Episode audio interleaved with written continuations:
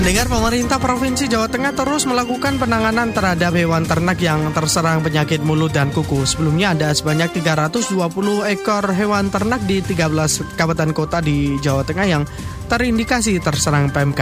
Bagaimana untuk penanganan yang dilakukan? Kami akan jumpai Kepala Dinas Peternakan dan Kesehatan Hewan Provinsi Jawa Tengah, Agus Waryanto. News and Talk. Pak Agus, apakah memang Jawa Tengah sudah ini ya, sudah kemasukan PMK, Pak Agus.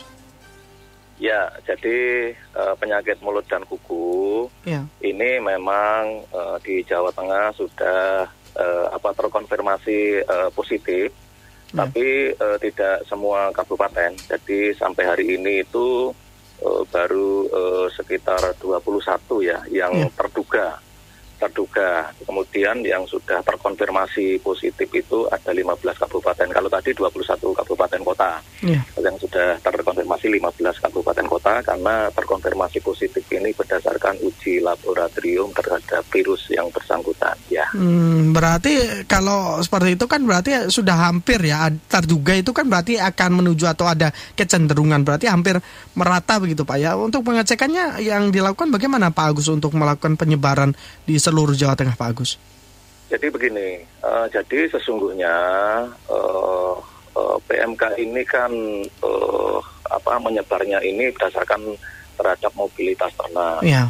Tetapi uh, yang penting memang uh, sampai hari ini itu kan uh, beberapa sudah membaik menu, menuju sembuh. Jadi kalau uh, hari ini itu uh, tercatat mulai kemarin ya tercatat yeah. itu sudah 500-an. Lah hari ini itu yang membaik sudah 216 berarti kan sudah 41 persen. Yeah. Kemudian yang masih sakit itu sekitar 43 persen dari total 500 uh, 500 yang tadi yang terduga. Yeah. Jadi bukan yang terkonfirmasi. Kalau yeah. yang terduga yeah. ini baru baru gejala-gejala yang yeah. sebenarnya bisa sembuh, kemudian juga ada yang sakit, tapi juga bisa uh, dipotong atau dijual. Saya kira itu hmm. ya. Berarti antisipasinya apakah akan menyebar eh, dokter-dokter uh, hewan di seluruh wilayah di Jawa Tengah atau bagaimana, Pak Agus? Ya, jadi begini. Jadi strategi Jawa Tengah itu kan epicentrumnya ada di Jawa Timur. Ya. Karena oleh Bapak Menteri Pertanian ditetapkan empat daerah wabah di ya. Kabupaten ya. Lamongan, Gresik, Mojokerto, dan Sidoarjo. Ya. Sehingga ini yang yang yang harus menjadi barrier. Tapi kan kabupaten-kabupaten yang terkait tadi itu tidak uh, tidak semuanya itu berbatasan langsung dengan uh, Jawa Tengah. Masih yeah. ada uh, Tuban, kemudian ada barrier-barrier yang ada. Uh, sehingga uh, lalu lintas ternak kita ketatkan. Kemudian yang kedua ini pasar hewan ini juga kita kita anu ya kita pantau kita kita beberapa ditutup kemudian yang berikutnya adalah rumah potong hewan hmm. jadi uh, dari kegiatan-kegiatan itu uh, kita di backup oleh uh, Polri yeah. dari Polda Jawa Tengah ini sudah senantiasa dengan kami baik itu dari Diskrimsus Satgas Pangan Polda yeah. Jateng maupun dari Bimas Polda. Setiap hari kita mengadakan apa namanya pemantauan sekaligus solusi-solusi alternatif yang disuguhkan kepada uh, teman-teman yang ada di, di lapangan itu. Hmm. Ada berapa banyak Pak tadi Pak untuk pasar hewan yang ditutup Pak? Pasar hewan sementara baru uh, dari uh, baru beberapa saja ada sekitar 14 14 pasar hewan ya yang ditutup. Tetapi ya. ditutup ataupun dibuka ini uh, tergantung dari kebijakan di tingkat lokal. Ya. Jadi biasanya pasar hewan yang ditutup ini adalah pasar hewan yang mendapatkan ternak-ternak kiriman. Oh. Ternak kiriman dari Jawa Timur, kemudian uh, yang di di situ itu juga juga dianu diadakan pemantauan jadi memang yeah. kalau ternaknya itu terindikasi sakit ini memang tidak boleh masuk sehingga harus keluar. Yeah. tetapi buka tutup ini sangat uh, di apa dianalisis oleh uh, satgas ataupun unit respon cepat di tingkat kabupaten uh, apakah kapan ini dibuka dan kapan ditutup. Saya kira uh, ini merupakan kebijakan lokal yang sangat uh, penting tetapi tidak semuanya ditutup karena memang uh, kondisi yang ada ini kan uh, mana-mana yang memang itu pasar pasarnya itu hanya lokal tapi mana yang pasarnya itu uh, dominan dari luar ataupun dominan dari mm -hmm. Apakah memang uh, hewan ternak yang untuk konsumsi masyarakat ini yang ada di Jawa Tengah ini lebih banyak uh, mengambilnya dari Jawa Timur, Pak? Oh, tidak. Jadi begini, hmm. jadi kalau secara nasional yeah. Jawa Timur ini memang uh, sentra sentra uh, sapi ataupun uh, ternak potong yang yeah. uh, nomor satu di di, di Indonesia. Yeah. Nomor dua kan di Jawa Tengah. Kita mempunyai populasi kurang lebih dua dua juta uh, ekor sapi potong ya. misalnya yeah. di samping nanti ada kerbau, ada kambing, ada yeah. domba. Yeah. Oh, sehingga Jawa Tengah ini merupakan sentra produksi nomor dua secara hmm. nasional. Sehingga kebijakan kami, kebijakan uh, Bapak Gubernur Jawa Tengah memang sebagai supplier untuk daerah lain.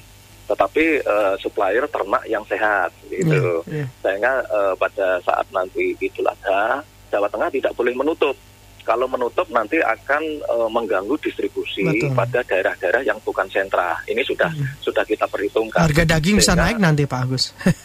Iya, yang penting itu e, buka itu kenapa, kalau menutup iya. itu kenapa, itu lebih penting karena yang kita kita sembuhkan atau iya. yang kita kendalikan ini kan penyakitnya, iya, bukan betul. masalah membuka menutup iya. daerah, membuka menutup ini tidak boleh lewat. Kalau ternak yang sehat itu kan boleh lewat, iya. yang tidak boleh itu yang ternak sakit. Nah ini ini yang harus kita hmm. pahami substansialnya iya. gitu. Tapi repot juga ini karena sebentar lagi sudah mendekati uh, hari raya Idul Adha, Pak. Pasti kebutuhan akan daging sudah mulai melonjak untuk beberapa waktu ini nanti, Pak, Pak Agus. Nah, jadi jadi kalau Jawa Tengah kita iya. tidak yeah. tidak khawatir ya karena kita hmm. memang sentra nomor dua. Yeah. Apalagi basis kita adalah ternak lokal gitu, yeah. sehingga untuk masyarakat Jawa Tengah sendiri uh, tidak tidak jadi masalah. Cuma uh. uh, dari Jawa Tengah menganggap, bukan bukan menganggap ya, kan Jawa Tengah ini juga bagian dari NKRI, yeah. sehingga kita juga harus mensuplai daerah-daerah yang masih kekurangan. Tetapi suplai ini tidak boleh serta merta dihambat gara-gara uh, PMK. Hmm. Jadi yang kalau memang itu ternak itu sehat ya jalan terus mm-hmm. boleh. Yeah. Nah, kemudian uh, makanya kebijakan untuk membuka menutup ini setiap saat dievaluasi. Saya kira uh, Pak Bupati kemudian Pak Wali Kota khususnya di ini terus memantau. Makanya pemantauan dan evaluasi menjadi penting. Hmm. Ini yang harus di Jika memang Ya, jika memang uh, Jawa Tengah menjadi salah satu apa ya tadi sentra ternak atau sentra produsen sapi potong begitu. Lalu apa yang menjadi penyebab masih banyak ternak-ternak dari Jawa Timur yang masuk ke pasar-pasar hewan di Jawa Tengah, Pak Agus? Jadi begini, uh, masalah lalu lintas ternak ini kan memang uh, berbagai faktor. Ya. Tetapi uh, kita di Jawa Tengah ini sudah uh, bagaimana mencermati adanya lalu lintas uh, ternak khususnya dari sen epicentrum ya. Iya. Jadi kalau Jawa Timur ini kan tidak semua yang ter, terindikasi atau ter, tertular. Iya. Uh, sehingga kita pun bukan bukan nggak boleh dari Jawa Timur boleh.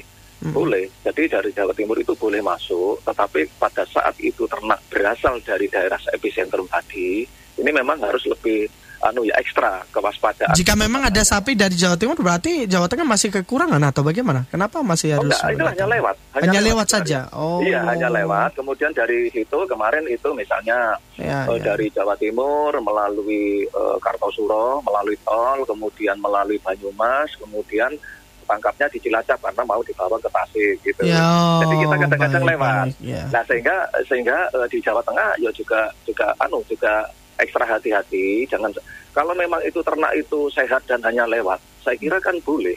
Hmm. Yang tidak boleh itu adalah ternak yang sakit kemudian dipelihara di Jawa Tengah. Yeah. Ini kan menjadi menular. Jadi kalau hanya dibawa, kemudian dipastikan bahwa ternak itu hanya lewat dan nanti di daerahnya itu dipotong, itu kan sudah selesai yeah. kalau dipotong. Yang jadi masalah itu kalau diper, di, dipelihara kemudian itu menulari. Kalau hanya dipotong, lagi pasti dipotong di daerah tujuan, saya kira itu tidak ada masalah. Iya. Mm-hmm. Kemudian kalau untuk masyarakat sendiri sebenarnya uh, sudah teredukasi dengan baik belum sih untuk bisa mengenali uh, ciri-ciri dari PMK ini utamanya adalah para peternak Pak Agus. Ya, jadi uh, kemarin sudah kita uji, jadi uh, kami mendampingi Bapak Gubernur kunjungan kerja di Kabupaten Jepara, ya. di Kecamatan Kembang, kemudian kemarin di Kandri, Kota Semarang. Ya ini ini setelah kita cek uh, terus ini ber, mengadakan roadshow terus setelah kita cek ya masyarakat itu tahu sebenarnya sudah tahu ya iya hmm. apalagi di daerah-daerah itu malah malah kadang-kadang uh, apa ya karena itu daerahnya uh, uh, apa uh, bebas dari lalu lintas ternak saya kira itu aman hmm. aman. Hmm. Yang tidak aman itu yang harus di, diantisipasi itu daerah-daerah yang ada lalu lintasnya. Lalu lintas ini misalnya di pasar hewan, yeah. kemudian uh, apa melalui melalui jalan-jalan yang ada itu apa itu melalui jalan tol ataupun jalan hmm. biasa, uh, kemudian mungkin di RPH. Jadi ini yang harus kita antisipasi. Kemudian nanti menjelang Idul Adha, kita pun tidak khawatir karena di situ memang akan kita turunkan dokter hewan dokter hewan. Ya, sekarang kan kita sudah punya unit respon cepat yeah. di ya. masing-masing daerah sudah bergerak di kabupaten kota juga bergerak ada yang menutup pasar hewan ada yang masih membuka ada yang ini. Tidak ada masalah ini masalah kebijakan di tingkat lokal yang masing-masing mempunyai modal sosial dan kearifan lokal masing-masing. Tetapi ekonomi tetap harus berjalan. Yang yeah. penting eh, apa namanya PMK ini bisa terkendali. Jangan sampai uh, ditutup di sana ekonomi tidak bergerak tapi PMK-nya malah berkembang. Nah ini kan bukan itu. Jadi jadi yeah. jadi ini ini ini Jawa Tengah. Yeah. Makanya Jawa Tengah kita menggunakan uh, konsepsi uh, kemarin Bapak Gubernur kita ya istilahnya Joko Ternak. Joko Ternak itu peternak itu di depan. Karena yang paling tahu pada saat ternak mengalami apa mengalami sakit, sakit iya. kemudian ya. tidak mau makan uh, ternaknya, kemudian lesu, kemudian membersihkan kandang, kemudian memandikan sapi ini kan semuanya peternak. Yeah. Pemerintah itu adalah membackup secara total bagaimana melindungi dan memberdayakan. Yeah. Sehingga semuanya bergerak. Kemarin dari perguruan tinggi kita juga sudah mulai dari lembaga-lembaga donor yang ingin mensosialisasikan dalam bentuk komunikasi, informasi dan edukasi. Ini sudah mulai berdatangan. Ada yang membantu uh, apa disinfektan, kemudian ada juga yang membantu uh, pemasyarakatan atau sosialisasi kepada masyarakat. Ini uh, luar biasa di Jawa Tengah. Ya. Mm-hmm.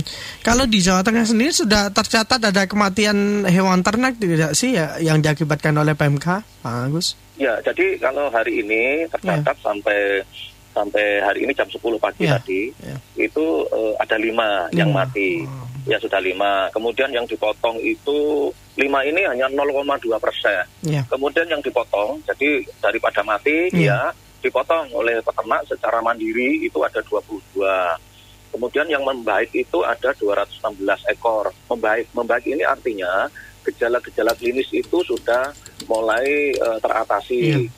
Uh, uh, ini ada 216. Ini uh, berada pada uh, tadi yang melaporkan yang ada gejala itu ada 21 kabupaten, tetapi yang terkonfirmasi positif hmm. itu hanya 15 15 hmm. kabupaten kota. Ya. ya. Kalau untuk uh, tadi kan ada yang dipotong sendiri oleh uh, peternaknya begitu ya Pak ya.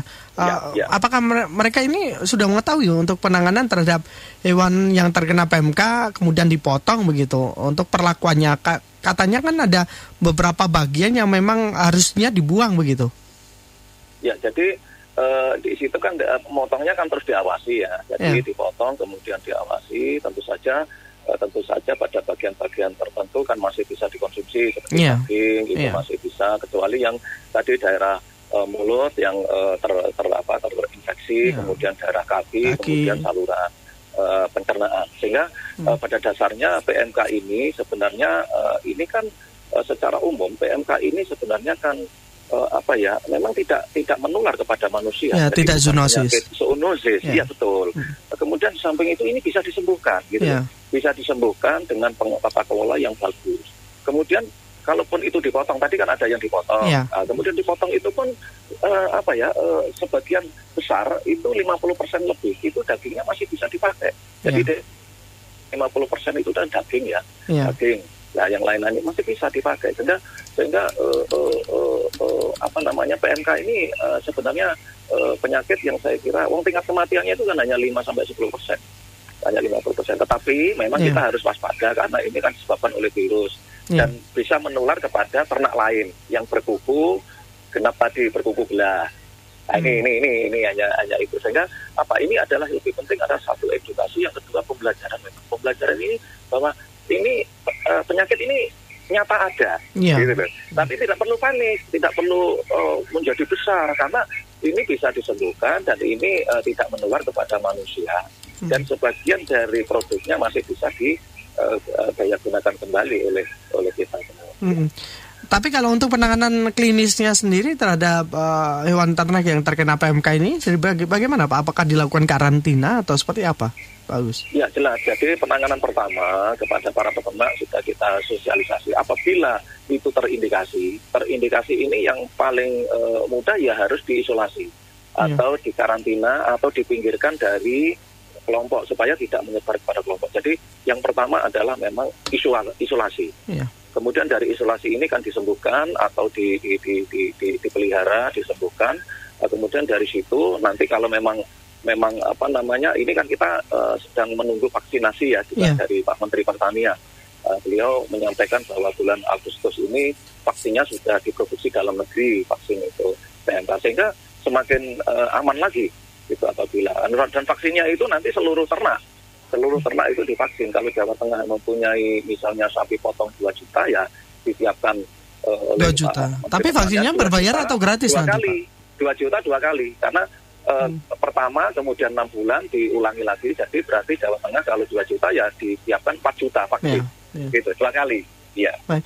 Tapi vaksinnya itu gratis atau nanti akan berbayar Pak didapatkan oleh para peternak? Gratis. Jadi ini uh, gratis ya karena memang ini bentuk pelayanan dari pemerintah kepada hmm. para peternak bentuk perlindungan. Yeah. Jadi kan apalagi ini vaksin ini bisa diproduksi sehingga kan uh, apa namanya biayanya tidak terlalu tinggi tetapi hmm. uh, bentuk kepedulian dari uh, apa namanya pemerintah ya memang ini harus digratiskan karena hmm. uh, uh, vaksin ini kan mengunci supaya uh, kita menjadi bebas lagi nanti dari PMK yang yeah. sudah pernah kita alami secara uh, ini adalah tahun 1990 kita ya. sudah bebas. Ya, ada perlakuan yang bisa dilakukan oleh para peternak tidak sih untuk bisa mengantisipasi hewan ternaknya ini terkena PMK Pak begitu? Apakah perlu untuk penambahan penambahan vitamin atau bagaimana Pak Agus?